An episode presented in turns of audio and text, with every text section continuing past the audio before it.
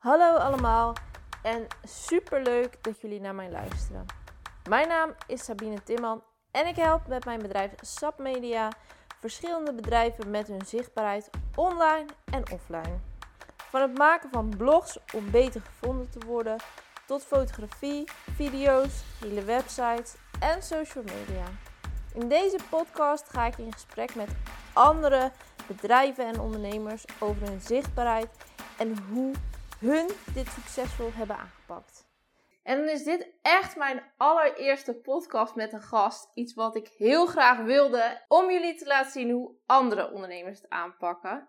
En ik zit nu aan tafel met Anne Loosveld. Ja, leuk om hier te zijn. Ja, Anne, uh, kan je om te beginnen even iets meer over jezelf en jouw bedrijf vertellen? Ja, zeker. Uh, nou, ik ben dus Anne Loosveld. Ik ben sportpsycholoog. sportpsycholoog. En um, ik begeleid ruiters met faalangst, met perfectionisme, uh, met wedstrijdspanning. Um, ik werk met ruiters die dus wedstrijd rijden en moeite hebben met het presteren onder druk. Of bijvoorbeeld met selectiewedstrijden of als er moeilijke situaties met hun paard zich voordoen. Maar ook met ruiters die helemaal geen wedstrijden rijden en die thuis negatieve gedachten hebben of twijfelen of onzeker zijn over zichzelf. En waar we dan met beide groepen ruiters eigenlijk naartoe werken is zelfvertrouwen en genieten van de sport en ontspannen kunnen rijden en, en nou ja, ook trots kunnen zijn op jezelf daarin. En ja, daarom ben ik natuurlijk ook hier bij jou in deze podcast, want ik zie mezelf naast hè, het feit dat ik mental coach ben of sportpsycholoog, ja. Uh, ook wel echt als ondernemer. En ik vind het ondernemerschap en het laten groeien van een bedrijf en kijken hoe dat allemaal werkt en mezelf daarin uitdagen, want daar zit ook heel veel mindset in, in het ondernemerschap. Um, dat vind ik zelf ook heel erg leuk. Ja. Dus ik vind het ook leuk om, uh, om daar met je over te hebben. Ja, want eigenlijk ben jij al heel lang aan het ondernemen, maar ja, de echte onderneming Anne Loosveld als uh, als mental coach, uh, sportpsycholoog, die bestaat eigenlijk nog niet heel lang. Kan jij je iets vertellen over, jou, uh, over jouw weg, uh, waar je nu staat als ondernemer? Ja, nou, dat, dan gaan we eigenlijk echt, ik denk wel 12, 13 jaar terug in de tijd. Ik hou dat kort, maar toen woonde ik op Curaçao en toen ben ik een eigen hangmat-business begonnen. Dat weten heel veel mensen ook niet. Dat heb ik twee jaar gedaan en dat was echt mijn eerste eigen bedrijf en ik was toen 21. En van iedere hangmat die ik verkocht, kon ik dan een flyertje laten drukken. En dan verkocht ik er weer één en dan kon ik een logo laten maken. Dus zo groeide dat bedrijf eigenlijk heel spelenderwijs, zonder dat er veel uh, druk op lag. En toen daarna, dat weten de meesten. Maar even, ja. was dat ontstaan omdat je geld moest verdienen of omdat je daar passie voor had? Um, nou, uh, eigenlijk allebei niet. Ik zag dat daar een vraag naar was. Ik was zelf in Suriname op vakantie geweest vanuit uh, Curaçao. En ik had voor mezelf gewoon um, samen met mijn vriend um, een hangmat gekocht voor uh, in de tuin. En iedereen die bij ons thuis kwam, die zei van jeetje, wat een fijne hangmat. En ik zou daar ook wel zo in willen. Nou, en een paar maanden later ging ik met een andere vriendin weer naar Suriname. En toen dacht ik, weet je wat, ik neem er gewoon eens een paar mee. Ik heb helemaal niet nagedacht over invoerrechten of over belasting of uh, dat soort dingen. Ik was er nog helemaal, ik was ook hartstikke bleu. Um, toen heb ik er twintig meegenomen, gewoon in een extra koffer en flink volgepropt. En die twintig die was ik eigenlijk uh, heel snel uh, kwijt. En toen dacht ik, hé maar wacht eens, hier is gewoon vraag naar. Um, en uiteindelijk is dat ook wel uitgegroeid naar dat ik ook hangmatten leverde aan grote hotelketens en ja, grotere... Um, uh, appartementencomplexen en zo. Oké. Dus daar is het ondernemen wel echt uh, begonnen. En zonder dat er dus heel veel druk op lag. Want ik gaf daar ook op de manege nog les. Een aantal middagen. Dus ik verdiende daar wel gewoon mijn geld. En ik had ook nog andere baantjes. Maar dit was dus echt een, uh, een project daarnaast. Waarin ik echt spelenderwijs daar veel over heb geleerd. Um, en ik denk ook dat, dat daar ook wel de basis is gelegd voor überhaupt um, hoe ik nu naar business bouwen kijk. Ja, ja, daar komen we later op, op dat business bouwen. Maar eerst nog even verder op jouw verhaal. Ja. Want die heb je twee jaar gerund. En toen? Nou, toen ben ik weer terug naar Amsterdam gegaan. Toen heb ik uh, nog een uh, master afgerond. Uh, bedrijfseconomie, dus echt uh, iets heel anders. En van daaruit ehm, ben ik twee jaar, dus daarna, na die master, ben ik twee jaar naar Mexico geweest. En daar merkte ik gewoon dat er naast het rijtechnische spelletje ook nog mentale factoren meespeelden. Dus in die tijd ben ik ook sportpsychologie gaan studeren. Heb ik een tweede master gedaan. Heb ik lang over gedaan, want ik deed dat echt daarnaast. Want op dat moment begon ik ook samen met een compagnon, Carlijn, um, een ander bedrijf, Equine Support International. En dat is eigenlijk ehm, een bedrijf geweest wat ik vijf jaar heb gerund samen met, uh, met Carlijn. En wat wij deden was de Nederlandse export van Nederlandse paarden volgen naar landen waar, dus de, waar de paardensport snel groeit. Dus wij werkten bijvoorbeeld veel in uh, Mexico, China, Midden-Oosten, Zuid-Afrika. En ja, daar gaan heel veel Nederlandse paarden naartoe, maar daar gaat weinig kennis mee. Dus wij werkten toen veel met sportbonden, met stallen, met um, ambassades, KNS, KWPN, met veel grote partijen samengewerkt om maar uh, kennis naar die landen te krijgen. En dus naar die eigenaren van die Nederlandse paarden. Dus we deden daar veel met, uh, met voeding en rijtechniek en management van een paard. En ja, dat hebben we vijf jaar gedaan. En toen, nou ja, dat was best een uh, pioniersbestaan. Want we gingen van China naar Mexico, naar Zuid-Afrika. We waren heel veel op pad. stonden heel veel les te geven, hebben heel veel clinics gegeven, heel veel educatieve programma's ook opgezet.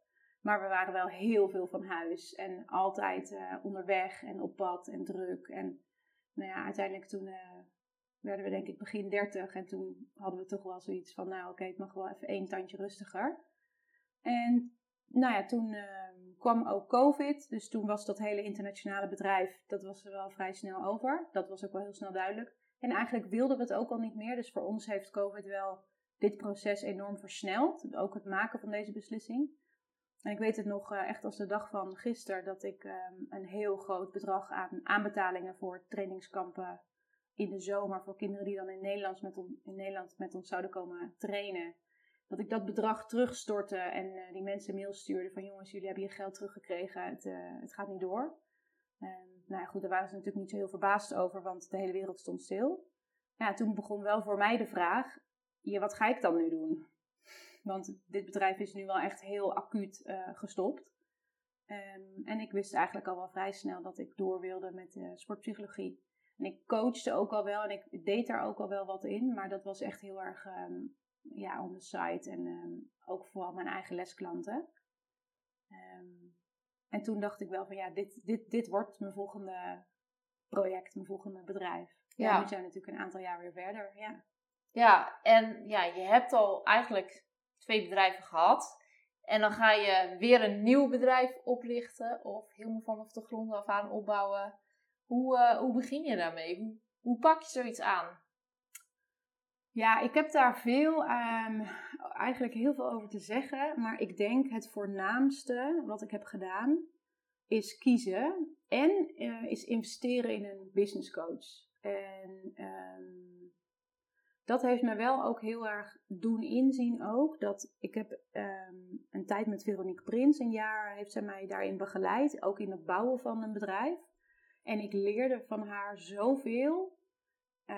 en ik zag ontzettend veel fouten die we de afgelopen vijf jaar daarvoor echt allemaal hebben gemaakt. En zij wees me er keer op keer op. En daar kwam heel veel weerstand ook um, naar boven, omdat ik eigenlijk in het begin nog niet wilde kiezen. Um, dus in die tijd dat ik met haar ging werken, weet ik nog heel goed dat ik een telefoongesprek met haar. En zij zei: Nou, Anne, wat leuk en wat, wat heb je voor bedrijf? Ik zei: Nou, ik ga online trainingen doen. Dus eigenlijk dat wat ik al deed hè, met ESI internationaal naar al die landen. Um, en ik dacht, ik ga dat gewoon online doen. Ik ga gewoon video's maken en podcasten. En ik doe dat mooi allemaal in het Engels. En ik ga dat dan vermarkten. Hè, cursus over voeding, cursus over biomechanica, cursus over rijtechniek. En ik ga dat gewoon naar die landen verkopen. Want ik zag de ontzettend grote honger naar kennis vanuit die landen. Ik dacht, nou, dat ga ik doen. En zij zei tegen mij, nou, hartstikke leuk idee. Maar je mag één onderwerp kiezen. En ik voelde eigenlijk meteen al een soort van boosheid. Ik voelde meteen dat ik dacht... Jij wil gewoon alles zij, doen. Zij is gek. Ja, die vrouw die, die, die klopt niet, dacht ik. En ik zei dat. Ik zei nou, maar in de paardensport is dat echt anders. En uh, mensen die vinden, hè, die kennen ons. En nu hebben we best wel naam internationaal. Nee, wij kunnen echt wel, wij kunnen echt wel um, uh, meerdere thema's ook aanbieden. En zij zei, ja, dat kun je wel doen. Maar je wordt dan nooit de expert. En zij gaf ook voorbeelden. Ga je liever uh, als je pijn hebt aan je rug naar een uh, fysiotherapeut gespecialiseerd in rugproblemen? Of ga je naar iemand die fysiotherapeut is, maar ook tandarts en ook homeopaat? Ja, wat kies je? Toen dacht ik, ja, daar heeft ze toch echt een punt. Dus is het zo belangrijk om inderdaad ergens meer expert in te worden en te specialiseren. En toen na een week, toen zag ik dat wel in en ik heb echt al een week een beetje lopen mopperen. Want ik dacht ook, ja, maar wat moet ik dan kiezen? Welk thema wordt het dan? Ga ik dan toch inderdaad meer die voeding van het paard of rijtechniek? Wat ik ook wel, hè, dat ligt me ook wel heel erg. Daar heb ik ook wel erg een mening over. Um, maar toen uiteindelijk toen dacht ik toch van ja, het wordt toch tijd ook om iets met die um, master sportpsychologie te doen. Uh, en toen heb ik dus echt gekozen voor de mentale begeleiding van ruiters. Ja. En in dat proces heeft zij me ook geholpen om zelfs die doelgroep eigenlijk nog wat aan te scherpen. Dus dat zou ook wel echt, um, en dat zie ik heel veel misgaan, niet alleen in de paardenwereld, maar ook daarbuiten, dat mensen gewoon niet kiezen. Dus hoe meer, en kiezen is heel spannend, want je denkt dat daarmee je vijver kleiner wordt. En dat het daarmee moeilijker is om uh, aan klanten te komen. Maar het, en ik heb dat echt gemerkt, het tegenovergestelde is eigenlijk wat er gebeurt. Juist als je het klein maakt, dan voelt de doelgroep zich zo gezien. Ik hoor hè, vanuit mijn uh, Instagram kanaal, ik hoor zo vaak van Anne, wat jij schrijft, dat gaat precies over mij. Dit ben ik. En dat krijg je alleen maar voor elkaar als je een kleine doelgroep kiest en precies weet wat er in het hoofd van die doelgroep speelt. Ja, en je hebt niet alleen uh, ja, een heel specifiek onderwerp gekozen natuurlijk, maar je hebt ook je idee uh, losgelaten om de Engelstalige en dus de hele wereldbevolking uh, te gaan aanspreken. Want jij bent het puur in het Nederlands gaan doen. Ja, dat is heel scherp ook dat je dat inderdaad opmerkt. Dat klopt. Ik weet nog dat ik daar lang over na heb gedacht. Want in het begin dacht ik ook inderdaad nog, nou oké, dan kies ik wel mijn thema. Ik kies dan wel één onderwerp, maar dan hou ik het nog wel lekker breed. Dan doe ik het wel over de hele wereld. Um, en toen heeft Veronique me ook daar weer op gewezen van Anne, hè, hoe een Chinees zich voelt die onzeker is. Dat uit zich op hele andere manieren, omdat die cultuur zo anders is dan een, Mexicaan die misschien heel erg macho is, die zich heel groot houdt. Of, dus als je mensen echt wil aanspreken, dan is het belangrijk dat je één uh, doelgroep kiest. En ik kies er zelfs ook voor eigenlijk om in mijn marketing ook voor vrouwen te kiezen zelfs. En mannen zijn bij mij hartstikke welkom. Um, en andere sporten zijn ook welkom. En ik begeleid ook wel wat andere sporters. En ik begeleid ook af en toe niet-sporters die me wel vinden en hè, wel een klik hebben met wat ik laat zien op Instagram. En dan denk ik van, hé, hey, oké, ik denk dat zij mij wel kan begeleiden. Maar de uiting van mij naar buiten, dat is wel echt uh, ja, heel specifiek. Ja, een paardrijdende vrouw. Ja, eigenlijk wel, ja. In Nederland. Of in ieder geval die Nederlandstalig spreekt. Ja. En ja, jij moest, uh, jij moest dat dus weer helemaal vanaf de grond uh, af aan gaan uh, opbouwen. En um, ja, in mijn beleving, um, om klanten te kunnen helpen, um, want dat wil je als ondernemer, is zichtbaarheid een hele handig tool. Terwijl dat voor sommige ondernemers ook mentaal ja. iets heel moeilijks is. Wat, wat voor gevoel krijg jij bij zichtbaarheid? Ja, dat is wel een goede vraag. Ehm, ik heb het zelf ook heel spannend gevonden. Ik heb het ook heel spannend gevonden het moment dat ik van, hè, van, van mijn vorige bedrijf, dus eigenlijk van de, ja, hoe zou ik het zeggen, de soort van de persoon die alles weet over paarden, van elektrolyten tot uh, trainingsschema's en uh, alles daartussen, ineens mezelf te profileren als sportpsycholoog.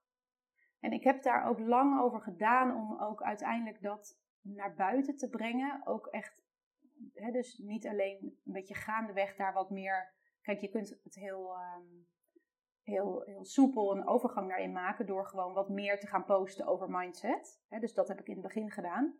Maar op een gegeven moment toen dacht ik, het is ook een beetje uit de kast komen. Dus het is ook, ja, toch echt, echt ervoor te gaan staan van, hé hey jongens, vanaf nu is dit wat ik doe. Ja, voor heel veel mensen um, ja, he, nou ja, we moesten daar even aan wennen. Mijn oude klanten die internationaal waren en uh, alleen Engels spraken. Ja, ik ging gewoon vanaf 1 januari uh, twee jaar geleden ineens mijn Instagram in het Nederlands doen. Dus ja, heel veel volgers die, die vonden het niet meer leuk. En die, ik zag die volgersaantallen ook rap dalen. Maar ik dacht wel, ja, dit is wel nodig om, ehm, om door te kunnen zometeen. Ja. En ja, zichtbaarheid, ja, dat is spannend. Maar ik heb ook gemerkt, het zit meer in je eigen hoofd dan, in, dan dat andere mensen daadwerkelijk met je bezig zijn. En ik heb daar ook zo vaak over gedacht van, oh ja, en wat zullen ze ervan vinden? En als ik heel eerlijk ben, en dat zeg ik nu ook vaak tegen ondernemers die met dit soort ehm, thema's bezig zijn. Nobody knows, nobody cares. Niemand is met jou bezig. En dat, dat denk je misschien, maar die andere mensen die zijn ook alleen maar met zichzelf bezig. En dat geeft wel ook een bepaalde rust, denk ik. Ja, maar dit zeggende, die anderen zijn ook alleen maar met zichzelf bezig, komt, uh, ja, brengt ons eigenlijk ook bij een moeilijk stukje van zichtbaarheid. Want um, ja, als ondernemer is zichtbaarheid niet alleen moeilijk, maar je wilt het eigenlijk natuurlijk ook voor je bedrijf gebruiken. Hoe, uh, hoe ben jij dat voor je gaan gebruiken? Dat ja, zie je misschien niet per se uh, ja, te veel judgen, maar wel dat ze jou opmerken en dat ze denken: hey, daar is Anne. Hey, daar is Anne weer. Oh, misschien, misschien moet ik iets met Anne. Ja, ja en dat, dat, daar zit meteen echt een hele, hele, hele harde les. Um, je moet, denk ik, om, om dus echt die, die doelgroep aan te spreken die jij leuk vindt, waar jij graag mee werkt, moet je ook zorgen dat de doelgroep die je eigenlijk niet wil, dat die afvalt. Dus laat mensen jou maar stom vinden. Laat mensen maar denken: oh, ik, ik, ik voel het niet met haar, zij praat zo raar, of zij zegt allemaal van die stomme dingen, of, of ik vind haar gewoon, hè, ik heb geen klik met haar. Laat die mensen je maar ontvolgen. Dus, dus zorg er maar voor. Ja, ik maak af en toe best ehm, ook wel harde statements. En dat doe ik heel bewust om ook.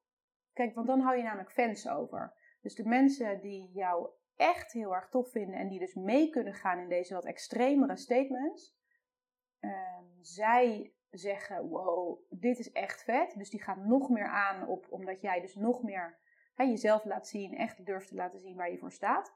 Ja, en die andere mensen die denken: Ja, nu gaat ze echt veel te ver weg met die meid. En dat is prima. En ik denk echt dat dat. Uh, je, ja, als ondernemer moet je. Ja, moet je denk ik ervoor zorgen dat je. Ehm, dat je jezelf daarin onderscheidt. En dat doe je dus ook door mensen af te laten vallen. Dus je probeer geen allemansvriend te zijn. Ja, dat is een belangrijke les, denk ik, ja. Uh, voor veel ondernemers. Want ja. dat komt natuurlijk ook heel erg voort uit onzekerheid dat ze dat wel proberen te, te doen. Ja. Um, maar sowieso, je wilt zichtbaar worden. Waar start je? Want ja, als ondernemer kan je gewoon ja, je hebt tegenwoordig zoveel kanalen waar je zichtbaar op kan zijn. Je hebt online en offline kanalen sowieso al. En online, ja, de wereld is tegenwoordig zo enorm. Uh, van social media tot e-mail marketing. Hoe, hoe start je in dat oerwoud als ondernemer? Ja, ook daar weer kiezen. Um, en kies dus voor een kanaal of een platform. Um, wat jij zelf leuk vindt. Kijk, ik vind uh, podcast bijvoorbeeld heel leuk. Ik praat ook best makkelijk. Um, dus hè, ik, ik, ik heb ervoor gekozen om dus ook een, een podcast te beginnen. En ik vind bijvoorbeeld schrijven vind ik veel minder leuk. Dus ik, ik heb wel een nieuwsbrief.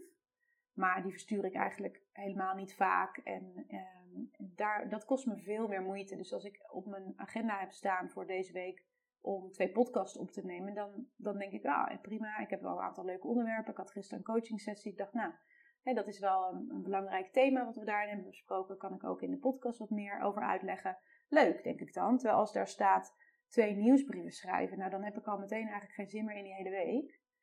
en daarin geloof ik dus ook heel erg dat er zijn zoveel kanalen, wat jij al zegt, er zijn zoveel manieren.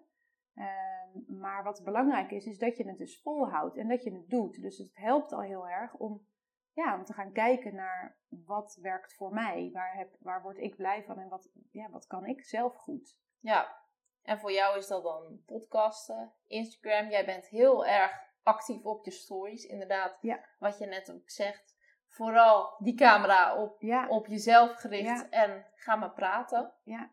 ja, en dat vind ik nog steeds hè, als ik dan hier zo thuis in mijn woonkamer zit, dan gaat me dat prima af. Ehm, maar ik ben dus nu mezelf aan het trainen om dat ook gewoon op straat te doen. En dan deed ik dat in het begin natuurlijk altijd in een rustige straat als er, als ik, hè, als er dan iemand aankwam. Ehm, maar tegenwoordig ben ik ook daarin een beetje aan het stretchen. En uh, probeer ik ook, ja, als er wel mensen voorbij komen, wel gewoon door te praten. Dus daarin zie ik ook dat het, dat het mentale stuk ook leuk kan zijn om je daarin um, uit te dagen en, en te groeien. Maar inderdaad, ik, ik heb net YouTube erbij uh, gepakt. Okay. heel recentelijk. Um, dus daar ga ik mee experimenteren. En ik, ja, ik heb wel uh, fun, ik heb wel ook wel wat uh, mailfunnels. Dus achter mijn e-book die je kunt downloaden, heb ik wel nog een aantal mails met extra tips en extra informatie. Dus, en, maar dat, dat voelt voor mij als ehm, duurzamer, omdat je dat één keer opzet en dan loopt dat. Ja. Dus ik heb bijvoorbeeld ook mijn, mijn beste gelezen nieuwsbrieven die heb ik in een funneltje gezet dat mensen die dus de, um, het e-book downloaden.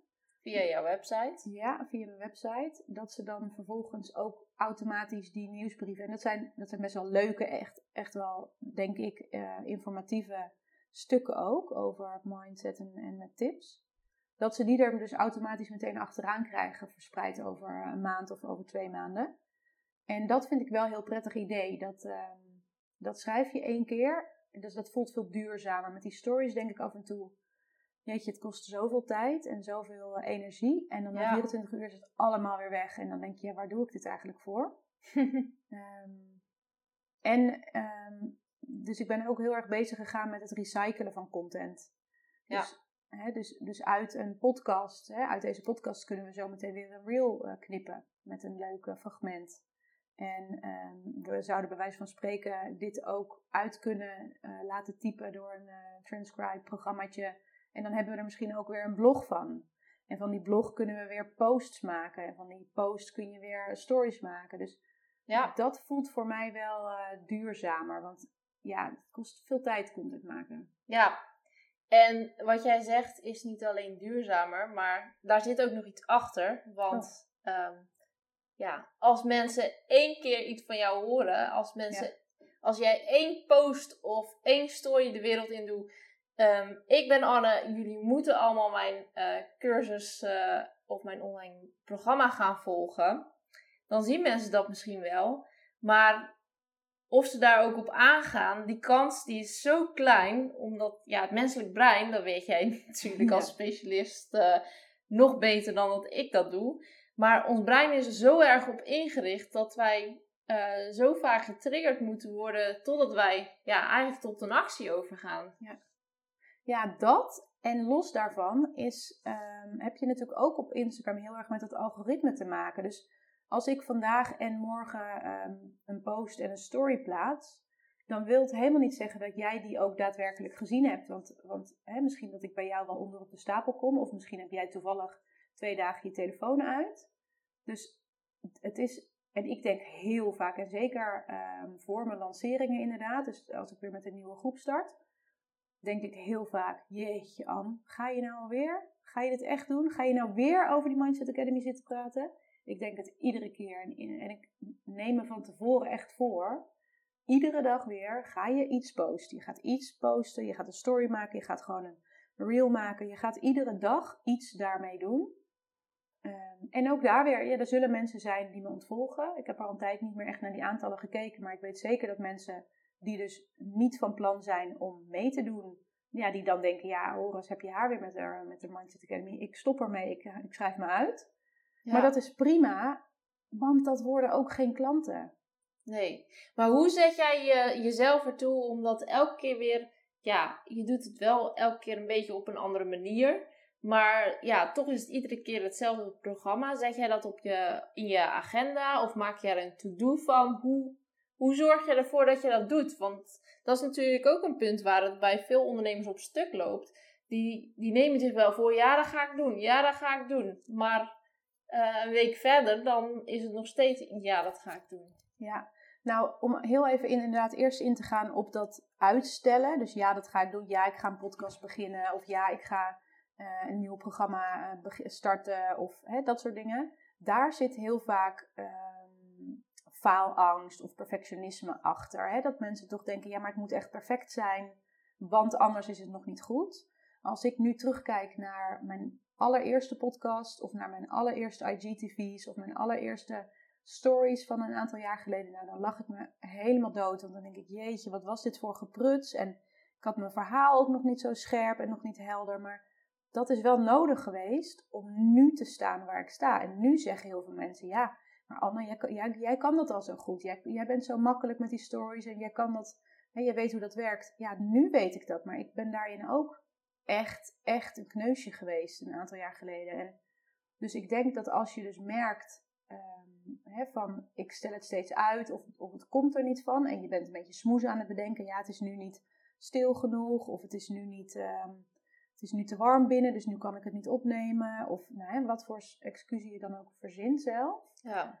Daar wel heel erg goed op te letten. En, en dus je als ondernemer uh, ja, de kans te geven om, om te leren en te ontwikkelen. Helemaal, echt helemaal. Ben alsjeblieft een beginner, want anders dan komt die podcast, die komt er gewoon niet. En die nieuwe YouTube-serie of wat je van plan bent, het gaat gewoon niet gebeuren als je vindt dat het perfect moet. Dus wat je beter kan doen, is dat je super simpel en, en ehm, makkelijk begint. Dus niet met een dure camera, niet met een dure microfoon. Gewoon met je telefoon filmen. Gewoon de, de microfoon uit je computer of van je, van je telefoon. Begin eerst maar eens.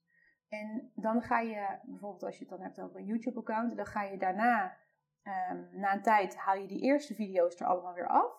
En dan ga je zeg maar door met de kennis en de, de ervaring die je dan hebt. Dus dat vind ik heel erg over als je dus merkt dat je gaat uitstellen. Meestal zit daar gewoon angst achter. En dat kun je dus eigenlijk ook niet echt tackelen door dat op een praktisch niveau uh, in je agenda te schrijven. Want je brein is gewoon bang. En um, eigenlijk wil je als eerste dat brein geruststellen en zeggen: Oké, maar wat nou als het nou helemaal niet perfect hoeft te zijn? Wat nou als ik gewoon ja, mag stotteren of een keer niet uit mijn woorden mag komen. Of dat de kwaliteit van het geluid niet perfect hoeft te zijn. Ja, dan durf je wel te beginnen. Want dan denk je gewoon, nou, ik begin gewoon ergens en ik zie het wel. Ja. Dus dat is heel even over dat stukje. En uh, jouw andere vraag over uh, hoe doe ik dat in mijn agenda. Daar heb ik heel veel mee geëxperimenteerd. Vind ik nog steeds ook moeilijk. Maar ik ben eigenlijk um, afgestapt van dat rigide dit is mijn to-do-lijst voor deze week. En ik moet één reel maken en twee podcasts en een nieuwsbrief. En uh, iedere dag bijvoorbeeld stories maken. Dat heb ik wel ook lange tijd wel zo gedaan. Maar ik merkte dat wel mijn plezier daar een beetje eraan ging. En um, mensen voelen dat. Dus dan ging ik bijvoorbeeld posts wel schrijven. Ja, omdat ik iets moest posten. En dan kwam er wel uiteindelijk een heel verhaal. Maar dat waren niet de posts waar mensen dan echt op aangingen. Omdat ze en ik, dat is wel misschien een beetje spiriwiri, maar ik geloof daar wel in dat er wel een bepaalde energie in zit. Um, dus dan... Je bent overigens niet de eerste ondernemer die dit, uh, die dit zegt hoor. Dit is natuurlijk wel de eerste podcast, maar je bent zeker niet de eerste nou, die gelukkig. dit... Uh... Eh, ja, gelukkig. Ja, mensen denken altijd dat ik zo heel um, academisch ben opgeleid en dat is natuurlijk ook zo. Maar ik geloof wel ook heel erg in ja, toch een klein beetje meer flow houden en dingen niet te veel forceren, maar ook gewoon te laten zien wanneer het, uh, wanneer de tijd is. En ja, dus voor mij is de tijd wel echt voorbij dat ik mezelf forceer van oké, ik moet nu stories maken. Dus ik plan er wel wat tijd voor in en ik heb wel globaal in mijn hoofd wat er allemaal moet gebeuren. Maar heel vaak, als ik op dat moment hè, meer zin heb om iets anders te doen, dan, nou ja, dan luister ik daar wel naar. En heel vaak, en het klinkt nu een beetje zo van alsof ik, hè, als, als ik zin heb om iets anders te doen, zo van als ik zin heb om dan met Ben Jerry's op de, op de bank te gaan zitten en uh, te Netflixen, dat heb ik dan weer niet. Maar wat er dan bijvoorbeeld kan gebeuren, is dat ik dan um, in mijn agenda had staan om nou, eh, bijvoorbeeld twee podcasts op te nemen. En dan wat er dan gebeurt is dat dan iemand uh, appt van, hey, ik ben in Amsterdam, heb je zin in koffie? En dan denk ik, ja, uh, maar ja, uh, ik moet eigenlijk ook die podcast opnemen. En dat ik het dan dus wel even heel goed voel van, oké, wil ik naar die podcast of wil ik even met hem of haar even koffie drinken? En dat op de momenten dat ik dus heel erg naar mijn gevoel luister, dan gebeurt er iets in dat gesprek met die ander, waardoor ik weer iets leer, een nieuwe energie, een nieuw boek getipt krijg of een bepaalde andere uh, inspiratie ergens uh, doorkrijg. En dat brengt me altijd verder. Ja, Ja. Ja, en dan is het, ik zat er nog heel even over na te denken, wel de lijn tussen, ja, wanneer ben je aan het uitstellen vanuit angst? Ja, dat zat je ook te denken, hè? Ja, en wanneer, want het is natuurlijk heel makkelijk om als je ja, bang bent. Vanuit, vanuit angst of omdat je je dag, in ieder geval, daar heb ik vaak last van, omdat je je dag gewoon vaak zo vol propt, Ja. dat ja, om 12 uur ga je daar echt gewoon niet meer aan beginnen. Nee. nee, en ik denk dat dat, ehm, dat, dat is ook een probleem. En dat is wel natuurlijk een, iets anders, maar ik zie wel ook dat wij met z'n allen onze dagen zo vol proppen, dat, je, dat eigenlijk je to-do-lijst niet haalbaar is. Dus wat ik zelf wel eens doe, ik, of wat ik eigenlijk altijd doe, ik werk aan max drie projecten tegelijkertijd. En dan heb ik ook dus eigenlijk maar drie doelen per week. Ehm, en, daar, en ik heb natuurlijk ook gewoon nog mijn coachingsruiters. hè? Dus, dus ik heb het nu echt Ja. wel even over het marketingstuk van mijn bedrijf. En dus de, de zichtbaarheid op, op social media, maar niet over ehm, de uren die ik gewoon aan het coachen ben, of op locatie, of via Zoom en mijn groepen die ik draai. En ook de begeleiding eh, via dat online platform, wat ik, waar ik ook iedere dag mee bezig ben. Ehm, waar wil ik ook weer naartoe? Ja, dat, je, dat ik dus ook merk van, hè, dat het goed is om het los te laten, maar dat je wel heel goed aan je, bij jezelf moet blijven. Zo van, oké, doe ik dit, maak ik er nu een mooi verhaal van? Van, oh ja, het is echt goed dat ik nu even met haar koffie ga drinken, want dat is echt beter. Omdat je gewoon bang bent om die podcast op te nemen, of omdat je hè, vindt dat het perfect moet. Ja. Ehm, dus dat vind ik belangrijk om daar naar te kijken, van wat zit er eigenlijk achter. Eh, maar daar ben ik inmiddels bij mezelf best wel goed in getraind. Dus ik heb mezelf best wel snel in de smiezen, wat, wat, ik, hè, wat daar dan achter zit. En soms is het ook een kwestie van dat even, daar dus wel even op zeggen van oké, even een zetje geven en nu dat gewoon gaan doen. En over die drukke agenda's denk ik wel, dat geeft zo'n ontzettend ehm, negatief gevoel als je iedere week ziet van, oh ja, ik had dit willen beginnen of ik had dit willen opstarten en ik heb het niet gedaan. Nou oké, ik schuif het wel weer door naar volgende week. Dus dan, daarmee hou je eigenlijk ook een best een negatief beeld over jezelf in stand. Want daarmee vertel je jezelf ook iedere keer het verhaal. Ja, je bent geen goede ondernemer, je doet niet genoeg, je werkt niet te hard. Maar dat is helemaal niet zo. Dat komt gewoon omdat we drukke levens hebben en omdat de wereld veel van ons vraagt. Dus ik, ik ben voor mezelf wel heel erg gaan kijken naar, oké, waar kan ik perfectionisme loslaten? Waar kan ik gewoon letterlijk ballen op de grond laten vallen? Ja, Ehm, ja, dat helpt wel. ja.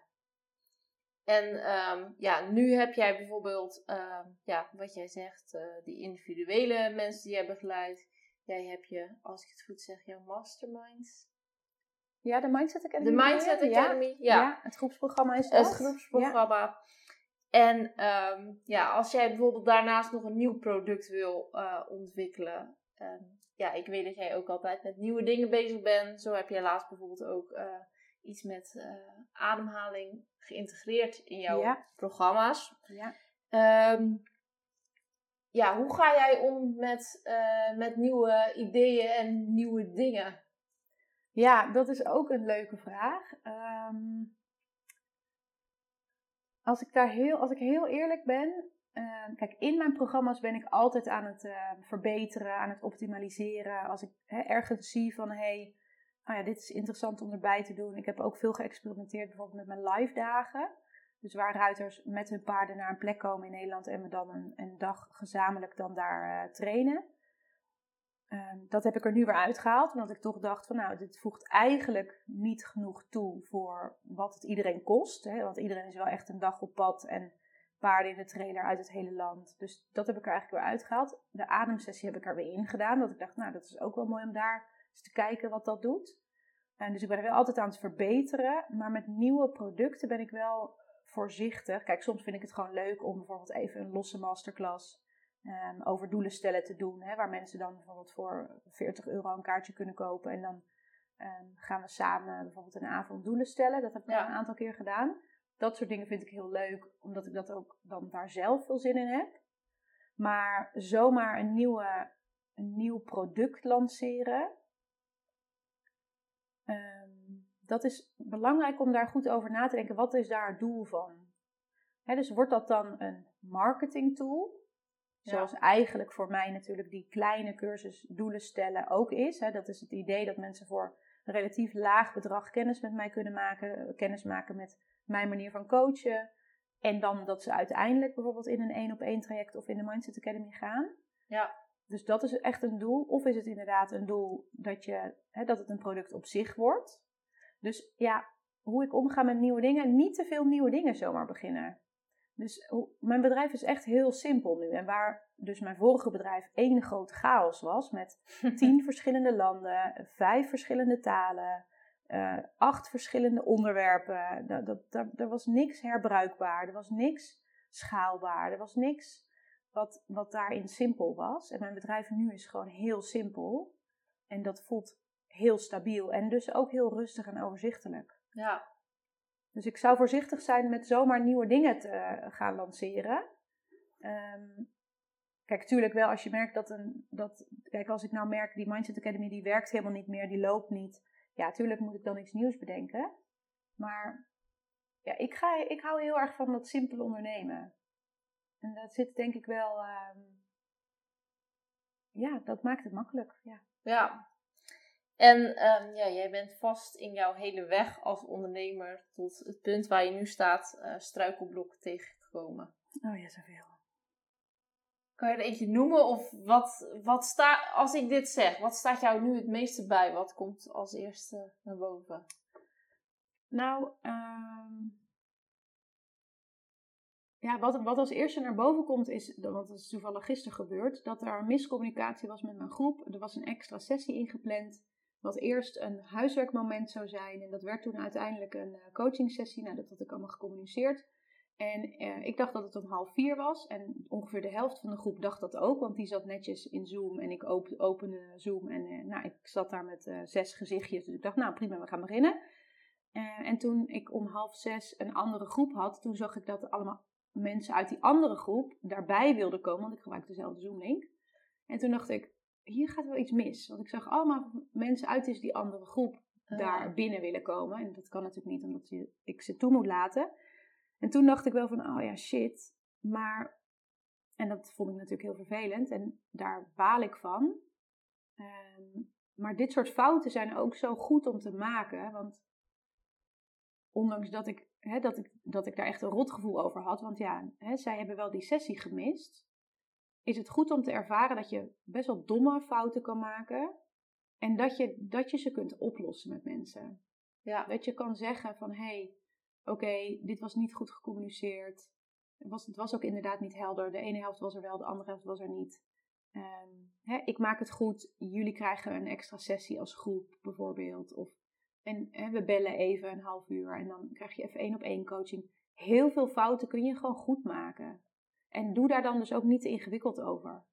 En dat is denk ik wel een van de struggles. Um, ja, is, is toch bang zijn om fouten te maken. En ik heb best wel wat, niet heel veel, maar toch ook wel wat uh, dingen gehad waarvan ik dacht van, oh ja, dat is toch niet, uh, dat is toch niet handig hoe je dat hebt gedaan. En ja, daar kan ik heel erg uh, negatief doen over mezelf. En denken, ja, maar je had dat eerder moeten signaleren, je had dat eerder moeten zien.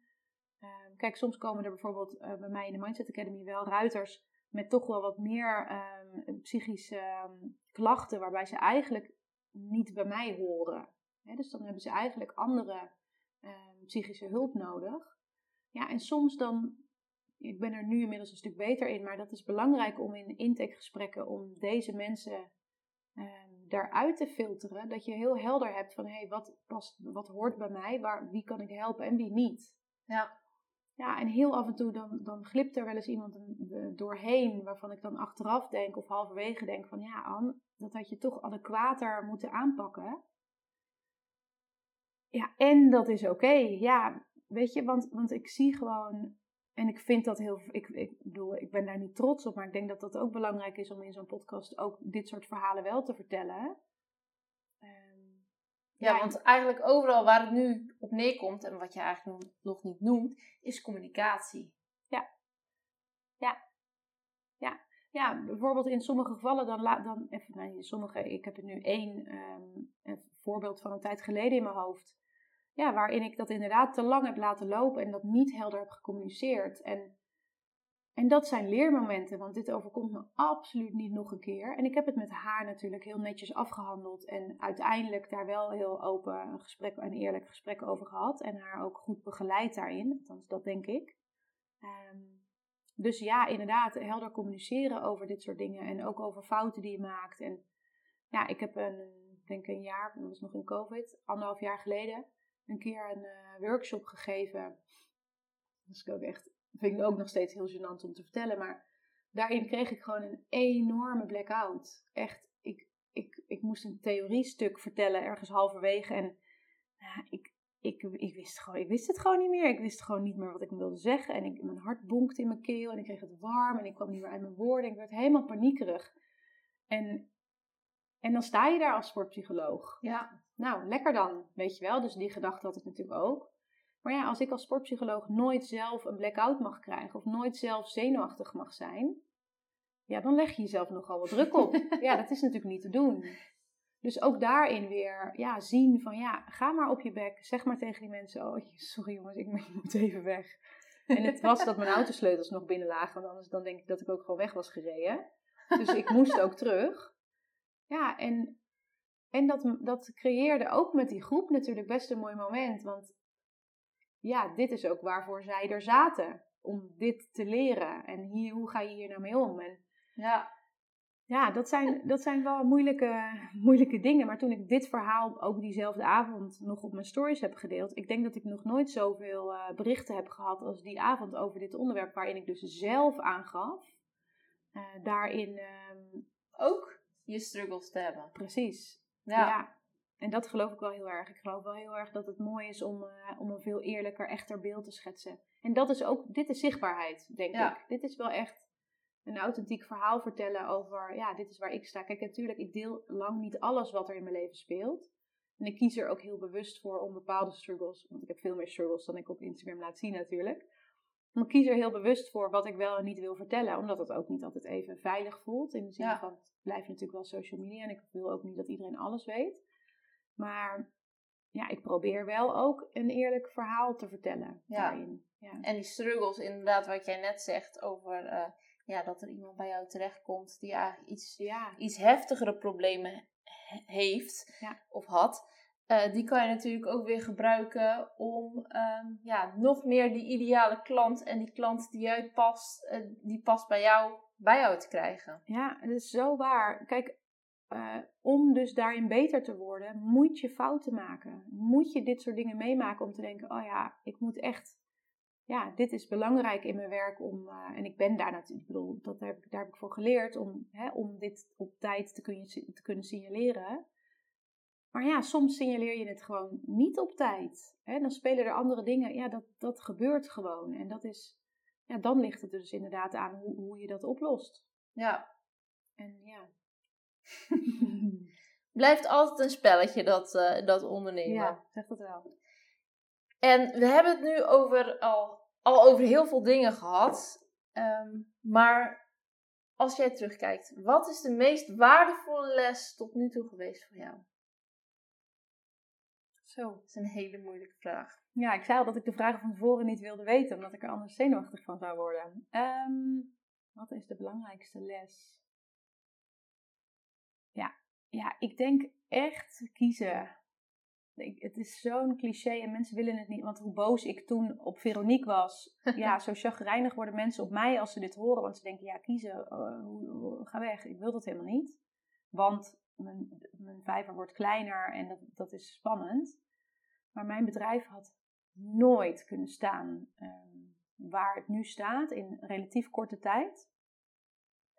Um, ja, sowieso zonder de hulp van, van Veronique, maar ook zonder dat zij tegen mij zei van je moet kiezen.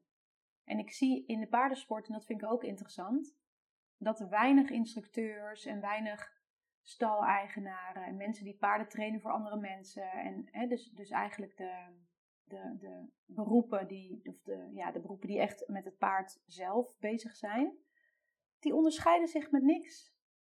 Eigenlijk. Nee. Die, ja, als je naar die websites kijkt, er staat overal, uh, ik train in harmonie en we kijken naar wat het paard aangeeft en we volgen, we hebben, nou, al, dat allemaal, maar dat zegt iedereen. Ja. En niemand durft daarin iets van zichzelf te laten zien. En ook dat uh, heb ik geleerd, omdat um, ook Veronique aan mij vroeg van, nou, wat onderscheidt jou nou? Hè? Je, bent, uh, je bent mental coach, wat maakt jou nou anders dan, dan de anderen? Nou, en ik begon, uh, ik moest even over nadenken. En, en, toen zei ik van, nou, ik kan heel goed luisteren en ik kan heel goed hoofd- en bijzaken scheiden. En ik, ik kom snel tot de kern en ik zie echt hè, waar het probleem zit. En, nou, en toen keek ze mij zo eens aan en toen zei ze, ja maar Anne, dat is inherent, dat heeft iedere coach, dat heeft iedere mental coach, dat heeft iedere psycholoog. Daarin ben jij niet anders dan anders. Dat is hetzelfde als, dit is letterlijk haar voorbeeld ook als, um, je bent een cashier die goed kan scannen. Ja, nogal logisch. Ja, Weet dat is je? werk. Dat is je werk. En toen ben ik me wel, toen ben ik wel gaan nadenken over, ja, oké, dat is inderdaad waar. Dus waarin ben ik nou anders? En ik denk dat dat voor heel veel instructeurs die ja, die, die concurreren op. Ehm, en niet alleen instructeurs trouwens, maar heel veel mensen in de paardenwereld die, die concurreren als een pak meel. Dus gewoon op prijs en op. Ja, hè, op, op, we zijn eigenlijk allemaal hetzelfde en je kiest gewoon de goedkoopste. Terwijl, ja, ga er maar eens een keer boven zitten. Of zeg maar eens een keer dat je niet op locatie komt. Of um, hè, dat je bij jou alleen uh, les kan volgen als je er ook de maandelijkse theorielessen bij boekt. Of, ja ja, verzin iets. Doe, doe iets anders dan, uh, dan de rest. En onderscheid je op die manier. En ook um, kies daarin ook weer wie je ideale klant is. Dus met wat voor soort ruiters wil je werken. En hoe heb jij dat uiteindelijk gedaan? Die onderscheidende factor. Ja, ik zat, ik zat net dat, dat. Toen ik het zei, toen dacht ik: Oh, ik hoop niet dat ze dat gaat vragen. Um, nou, ja. kijk, wat, wat, wat denk, ik denk wat, wat ik uiteindelijk heb durven doen en dat vind ik ook spannend om dat hardop te zeggen, is ja, ik heb echt een academische achtergrond en ik, ik volg daarin veel protocollen en ik volg veel richtlijnen in mijn werk. Uh, maar ik ben daar ook van afgestapt. Ik ben ook afgestapt van juist dat rigide volgen van alle protocollen. En ik heb daar veel eigen uh, inbreng en andere technieken die helemaal niet uit de reguliere sportpsychologie komen.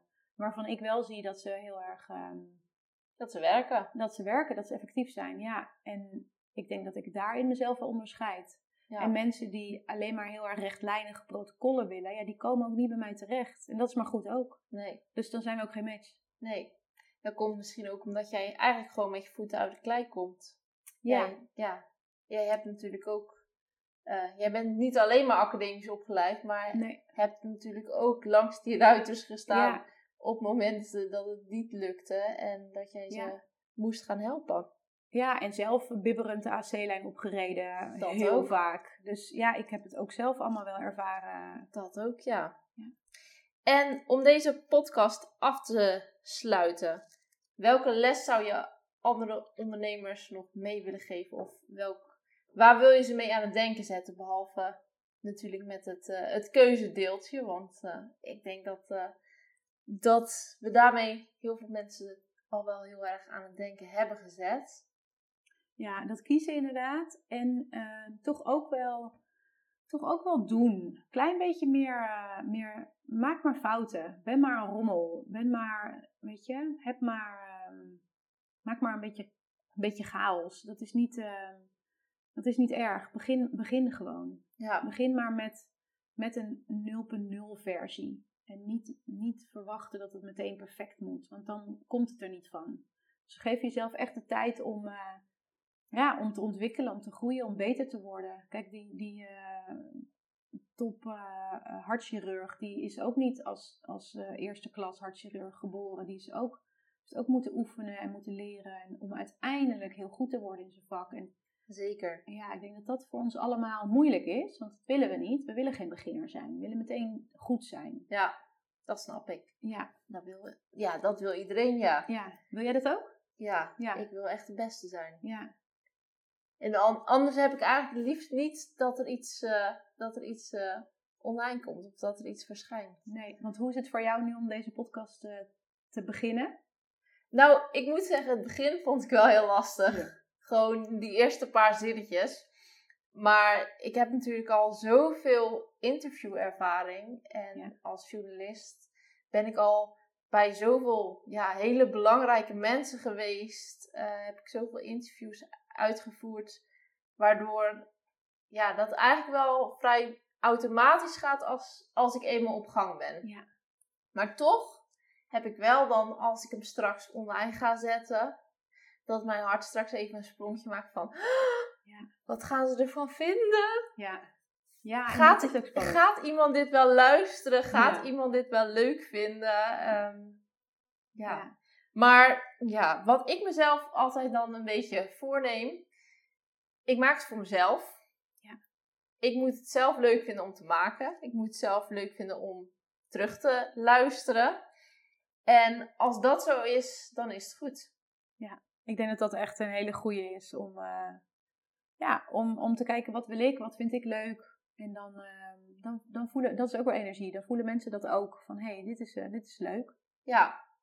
En wat ik daarbij nog, uh, nog ook heel erg belangrijk vind, is om hulp te vragen. Ik heb natuurlijk niet voor niets jou als eerste kandidaat gevraagd, omdat wij ook al soms praten over het ondernemen en wij hebben vaak contact. Ja. En ja, jij neemt natuurlijk ook podcast op.